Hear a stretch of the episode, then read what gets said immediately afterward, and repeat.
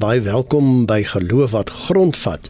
In die program gesels ons oor onderwerpe waaroor gewone lidmate in kerke antwoorde soek en hoe jou geloof prakties uitgeleef kan word. Nou jy het reeds gehoor ek is Flip Loots en by my verwelkom ek vir professor Christina Landman. Sy is buitengewone professor in teologie aan Unisa. Goeienaand Christina. Goeienaand Flip, goeienaand luisteraars. Dan sê ek ook welkom aan professor Willem Boshoff. Hy was voorheen professor in Ou Testament en Bybelse argeologie by Unisa en hy staans medeleraar by Skoukraal se NG gemeente. Goeienaand Willem.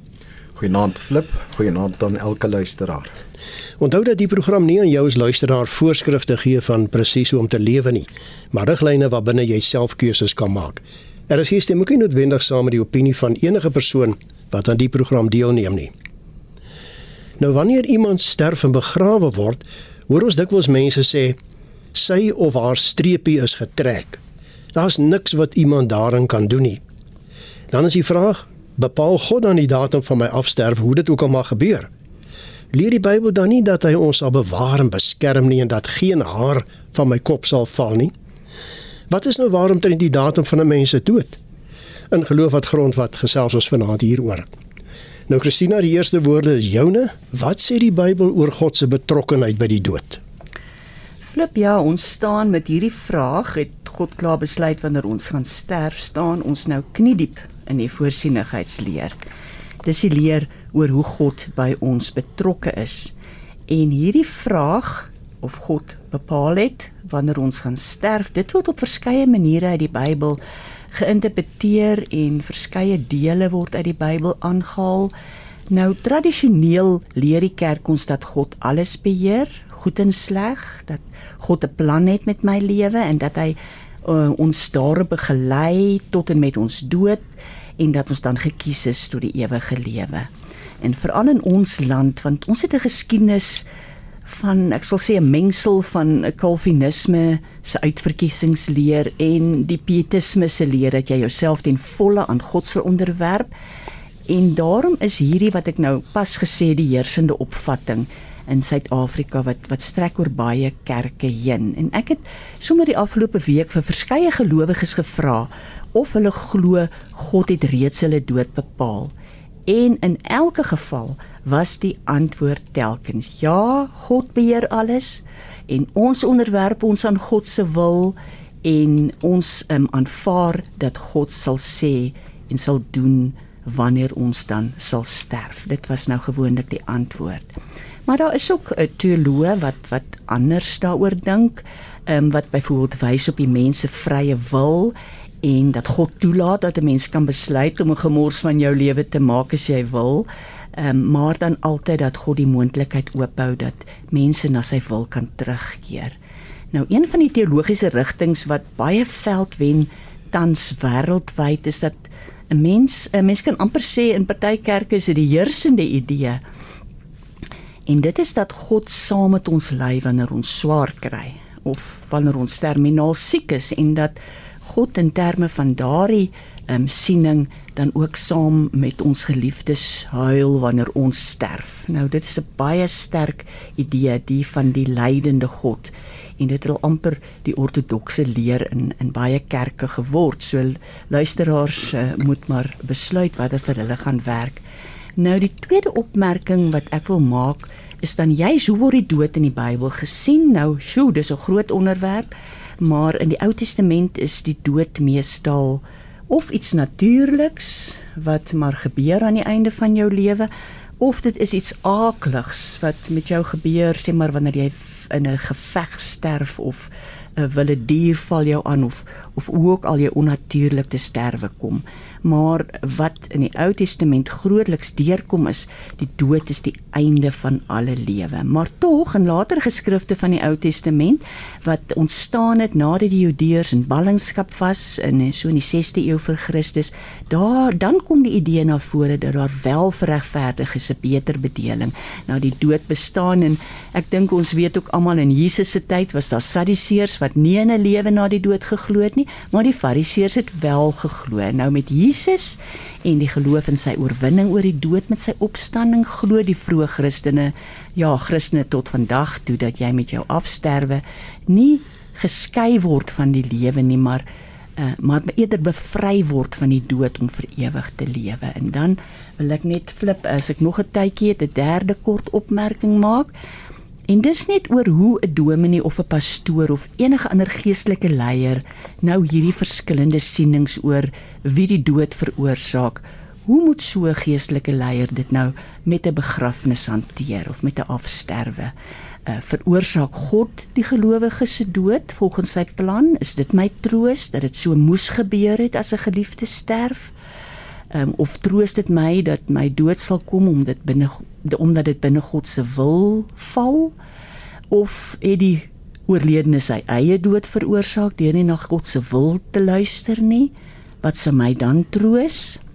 Dat God maar in elk geval hom gered het? op grond daarvan dat dat dat God se arms vir ons almal oop staan of of lê God saam met ons wanneer ons om die graf van 'n geliefde staan kan kan dit my dalk nou troos ek vra maar net hierdie vraag om te die, om daarop te dui hoe belangrik die vraag wat ons nou vanaand probeer beantwoord hoe belangrik daai vraag is het God klaar my dood beplan het dit geweldige pastorale implikasies uh, vir enige een wat dan nou homself of haarself as 'n Christen ehm um, voor voor God se se troon dan nou bevind. Dankie Christina. Willem. Ons lees in die Bybel in Prediker 7 vers 1: 'n Goeie naam is beter as reukolie. Die sterfdag beter as die geboortedag. Wat moet ons nou hieronder verstaan? Dat dit beter is om dood te wees as om te lewe? En voor jy antwoord, ek sien so amper elke tweede SMS wat inkom, praat oor selfdood. Waar mense nou lyk like my voel dit is beter om dood te wees as om te lewe. Flip, ek dink die eerste ding is om te sê ons moet ehm um, Prediker 7 vers 1 lees as deel van Prediker. Die boek Prediker is 'n wysheidsboek wat worstel met die gewone dinge van die lewe, die dinge wat sin maak en meer as dit die dinge wat nie sin maak nie. En die prediker skrywer het regtig oor die dood en lewe gedink, hy het gedink oor een wat val op regverdiges en onregverdiges en hy praat oor hierdie dinge as 'n probleem aan die een kant, maar 'n werklikheid aan die ander kant. Dis 'n ding wat moet gebeur. Ons moet doodgaan. Ehm um, maar tussen die geboorte en die dood gebeur daar soveel dinge en ehm um, dat dit 'n opdrag is of 'n aanduiding dat ons selfmoord kan pleeg of selfs dit kan oorweeg sou 'n onlogiese afleiding wees. Dis nie waaroor dit hier gaan nie. Hy sê eintlik maar dat die swaar goed van die lewe uh, maak dat die dag van die dood partykeer die beste is. Maar jy moet die hele boek Prediker lees om iets te verstaan van hierdie wysheidsnadenke. Hy's 'n soort filosoof. 'n Mens moet natuurlik nou altyd die Bybel in konteks sien, Willem. Nou as ek dink aan hierdie selfmoord vra of selfdood, ek sien die luisteraars sê hierso maar ek lees niks daarvan in die Bybel nie. Nee, wat in de, inderdaad, ehm um, uh, lees ons van heel party mense wat selfdood gepleeg het. Ons lees van Samson, ons lees van Saul, ons lees van Judas. En in een nie in een van hierdie gevalle word dit veroordeel nie. So ons kan eintlik sê die Bybel veroordeel nie selfdood nie. Partykeer was dit 'n daad van eintlik 'n uh, um, uh, trots en selfrespek. Ehm um, so ons kan nie die Bybel gebruik om selfdood te veroordeel nie. Ek sien een van die luisteraars hier sê Willem, as jy die waarheid ken, wil jy nie dood nie, veral as jy in vreemde situasies is. Jy soek vir Jesus en jy moet moed hou want hy's langs jou voor jou en agter jou. Maar kom ons kyk na Filippense 1:21. Wat sê Paulus? Hy sê want om te lewe is vir my Christus. Dis die luisteraar hier by aansluit, nê? En om te sterwe is my wins. Nou klink dit nie vir my of hy vir die dood bang was nie, Willem. Tog lyk dit vir my asof baie mense vandag bang is vir die dood. Hoekom sou dit so wees? Ek dink die dood hou 'n soort verskrikking in omdat dit so finaal is. Maar Paulus vat die ding hier eintlik presies raak deur te sê ehm um, die die lewe stel sy eise, die sterwe of die dood moet intree en dit is selfs vir my wins. Ehm um, ek dink nie hy het dit gevrees nie en ek dink nie 'n mens hoef dit te vrees nie.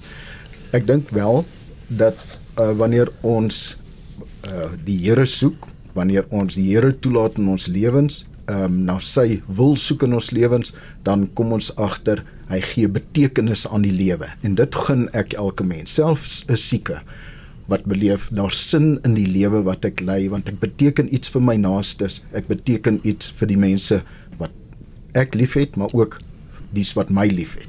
En daarom is die lewe as sodanig betekenisvol. Nou waarom is 'n mens se sterfdag so geheim? Sou dit nie beter wees om dit te weet dat jy jou daarvoor kon voorberei nie, Willem?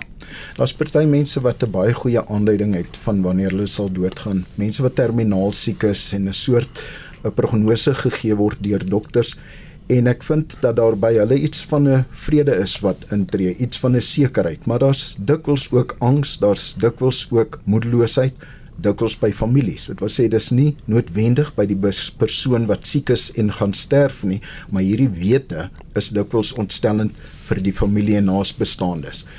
Dis beter of swakker 'n uh, opsie vir 'n mens om te weet wanneer jy gaan sterf ek dink maar aan mense wat ter dood veroordeel is en 'n dag en datum kry en dan gebeur dit so op plekke waar daar 'n doodstraf is. Ek dink ek dink dit bring min troos. Jy luister na. Er is geen as die program geloof wat grondvat en ons selfs vanaand oor het God klaar my dood beplan. Ek is Flip Loots en my twee gaste is professor Christina Landman en professor Willem Boshoff. Baie dankie vir die luisteraars wat reeds so lekker saampraat. Jy kan dit ook doen. Gebruik die SMS nommer 45889. 45889. Onthou net elke SMS kos R1.50. Nou Willem, aansluitend by ons tema vanaand, het God klaar my dood beplan. Ek lees in Job 14 vers 5: Die mens se dae is vasgestel. U het die getal van sy jare bepaal. U het dit neergelê en hy kan dit nie oorskry nie weet God wat jou sterfdag dan sal wees? En beplan hy dit? Of is dit uiteindelik maar net so half uit sy hande en iets wat ons maar laas pad mee moet uh, aanvaar? Dit gebeur net maar net.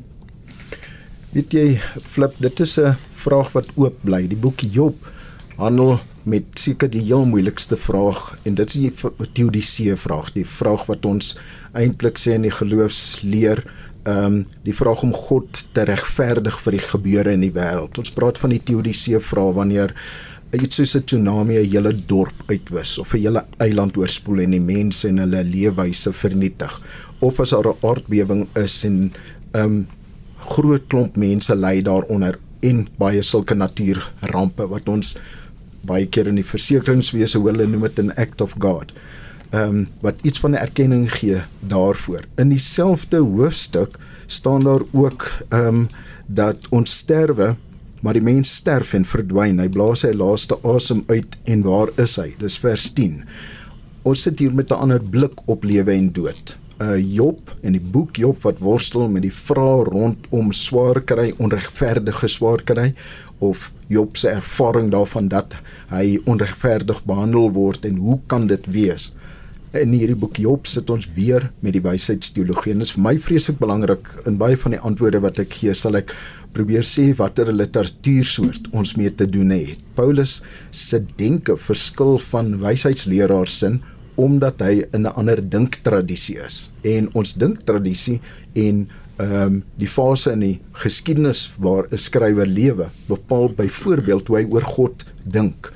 En daar's nie 'n enkele finale denkbeeld oor God in die Ou Testament nie. Die geskiedenisboeke 1 en 2 Konings kyk anders na God as 1 en 2 Kronieke wat 'n hele paar honderd jaar later geskryf is. Paulus kom uit 'n sterk fariseëse tradisie en die boek Job vanuit die wysheidstradisie wat vra na die sin van en betekenis van lewe. Nou ek sien basie van die baie Willem skrywe hierso Wat moet ek dan verstaan waar daar gesê word ons lewe maar 70 jaar en ons so sterk is 80 jaar? Met ander woorde, so iets van maar God het tog sy streepie iewers vir my getrek. En wil maar sê wie aan die ander kant Psalm 116 vers 15 sê vir die Here is die dood van sy troue dienaar geen geringe saak nie. Hoe sou jy daarop reageer? Dis, vir my wonderlike twee teenoorgestel eh, teenoorstaande tekste want dit verteenwoordig die uh, verskillende stande uh, standpunte rondom die dood, rondom die lewe, rondom ons verbintenis met God.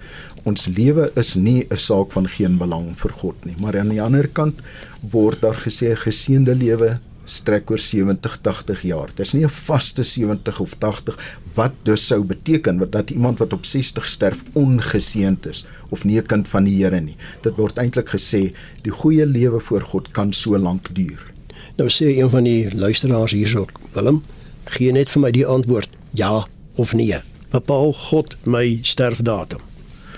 ek sou wou sê nee, maar God weet wat in my lewe aangaan en ehm um, ek sou nie sê hy veroordeel my uh, tot die dood nie, maar hy weet presies wat in my lewe aangaan. Nou sê iemand anders hier net sluit aan by wat ek nou net vir jou gaan vra. Wat moet ek bid vir 'n 95-jarige ma met erge pyn as gevolg van kanker en wat sê ek wil graag huis toe gaan? Baie interessante vraag, maar voor jy dit antwoord wil ek haar byvra. As God 'n mens se sterfdatum bepaal wil hom en sommiges daarvan is nogal gruisam, hoe rym dit daarmee dat hy beloof om sy kinders te beskerm dat daar nie haar van hulle kop sal val nie? Weereens as ek eerstens met die luisteraar kan praat, um, ek was onlangs in presies daardie situasie en ek bid vir so 'n persoon dat die Here se wil geskied en ek vertrou dat dit beteken dat hy die lewe tot 'n einde sal bring. Ek dink daai persoon hunker werklik na die einde van die lewe. Ek dink daai persoon hunker met reg daarna. Met sulke pyn, sulke verskriklike ongemak, ehm um, in sulke omstandighede sou ek nie vir so 'n persoon kan sê nee, hoop op herstel, hoop op die lewe nie, want ek dink 95 jaar is 'n ryk lewe en vir so 'n persoon tree ek graag en maklik in by God en vra as dit die tyd is, laat die persoon sterf. Laat God ehm um, uh die genade gee van die die lewe wat eindig. Want 'n lewe van pyn en lewe van ongemak ongemak en die verlies van gesondheid wat uiteindelik ek wil sê deur ons moderne mediese wetenskap ehm um, verleng word tot by 'n punt waar pyn die noemer is dink ek ehm um, is byna groter onreg Nou sê een van die ander luisteraars dit sluit aan by hierdie wat ons net oor praat Willem wanneer iemand in 'n motorongeluk sterf het God het dan so bepaal dat daai ongeluk moes gebeur? Uh, Dis vir my nou die saak waar mee Christina begin het en dit is die hele saak van voorsienigheid. In my verstaan is ehm um, dit 'n gebeurtenis wat in die gang van verkeer in die gang van 'n oorlog gaan mense dood deur 'n bom wat ontplof in 'n woonstelblok en daarvan's geen soldate nie. En so ek wil nie uh, uit enigiets in die Bybel aflei dat God daai missiel gelei het om in daai woonstelblok te val en daai 10 of 15 of 200 mense dood te maak nie. Ek begryp nie dat God 'n kar gestuur het om in 'n ander een vas te jaag en die bestuurder van die tweede kar te dood nie. Ehm um, ek dink dis die soort goed wat gebeur. Op 'n manier wil ek sê ons maak dit partykeer makliker vir onsself en sê dis die gevolg van die sonde, maar dit bevredig nie heeltemal nie. Ek dink dit is deel van die lewe. Die lewe gebeur en partykeer is die lewe 'n verskriklike ding om oor te beskik. Ja, en die duiwel lyk like my speel ook 'n rol hier in Christina, wil jy vir ons help want M Kuhn sê of vra is dood van die duiwel af? Ek dink soos Willem dit nou net verduidelik het, is dat dood is deel van die lewe. So so wat ons in die Ou Testament ook gelees het dat in dood is deel van die natuurlike deel van die lewe. En ek sou dit eerder graag um, aan die natuurlikheid as aan die duiwel wil toeskryf. Willem, hoekom moet 'n mens doodgaan? Kan ons nie maar net aanhou lewe nie? Ons moet doodgaan omdat ons lewe.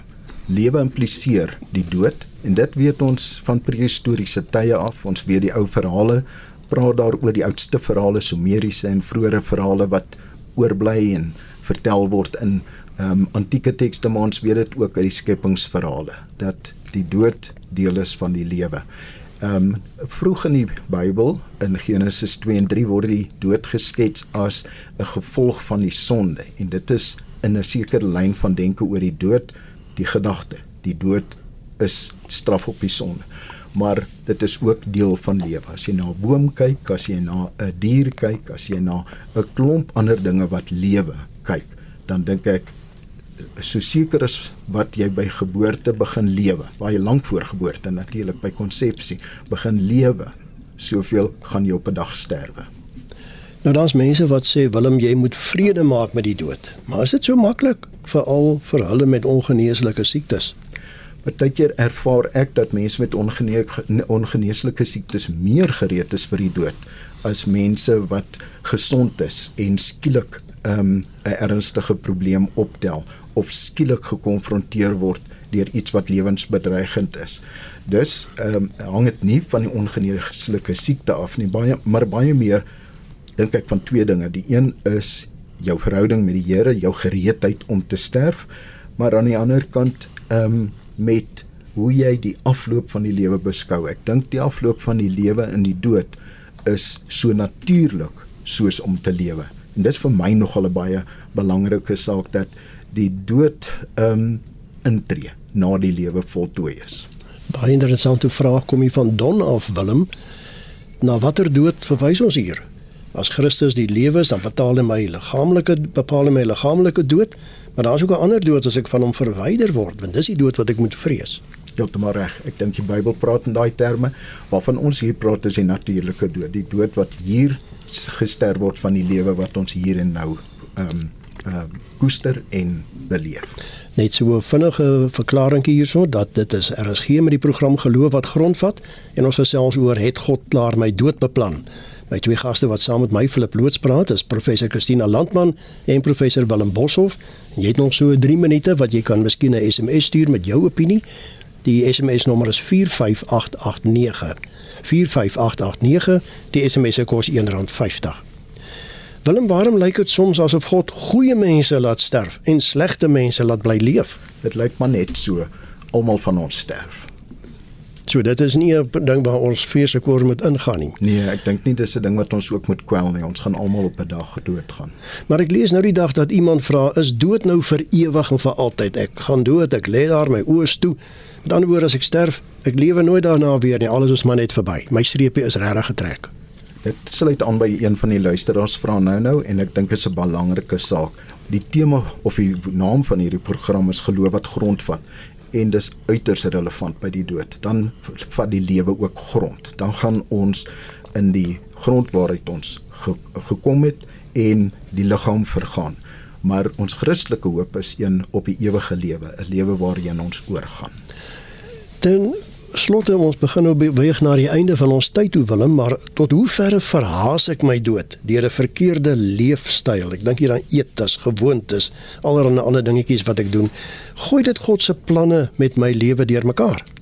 Ek dink ons lewensgewoontes, die maniere waarop ons onsself en mekaar behandel, stel ons baie bloot. Ek dink nie dit ehm um, kan God se plan omvergooi nie, maar ehm um, want God ken ons en hy ehm um, hy ken ons menslikheid, maar ehm um, die mens se dood is 'n sekerheid en jy kan inderdaad deur onverantwoordelikheid dit verhaas of self aanbring soos deur selfdood. Christina, jy het so 30 sekondes. Kom ons vat saam. Is ons streepies getrek wat die dood aanbetref? Ehm um, as ek moet um, opsom sal ek sê wat ons gesê het is selfdood is uh, word nie in die Bybel veroordeel nie. Dit is iets wat mense altyd tog hoop dat jy pastoraal kan hanteer. Ehm um, ons het ook gesê dat wat Paulus betref, die dood nie 'n verskrikking behoort te wees nie. En Willem en as ook ek was baie ehm um, versigtig om nie te sê dat God die dood veroorsaak nie. Ehm um, ons het ook daarop gewys dat daar verskeie boeke in die Bybel is en dit nie almal nie wat ons uitnooi om die lewe te geniet en dit is waarmee ons ons uh, dan gedurende die lewe moet besig hou, tans moet besig hou, wetende dat God is 'n regverdige en 'n betrokke God. Willem die laaste woord is joune. Hoe moet ons nou die dood dan sien? Iets om te vrees of iets om na uit te sien? Ek dink nou iets ons moet daarna kyk was iets wat gaan gebeur en ek dink die regte ding is om daarna uit te sien en te weet wanneer die dood intree, het die lewe sy volle loop geneem. Nou ja, dit dan al in vanaand se geloof wat grondvat. Baie dankie aan my twee gaste wat so lekker saam gepraat het. Dis professor Christina Landman en professor Boshoff, Willem Boshoff vir hulle bydraes en dankie ook dat jy as luisteraar so lekker saam gepraat het. Ek gee al hierdie SMS'e deur aan die twee kollegas vir my dat hulle daarop reageer. Christina, Willem, as ons luisteraars met julle wil kontak maak, hoe maak hulle, Christina? Um, ek sal graag 'n WhatsApp boodskap ontvang by 082 377 2574. En Willem? Ek sal 'n e-pos verkies en die adres is willem@skoukrans.co.za. En my kontakinligting is flip by mediafocus.co.za. Tot volgende Sondag aand. Totsiens.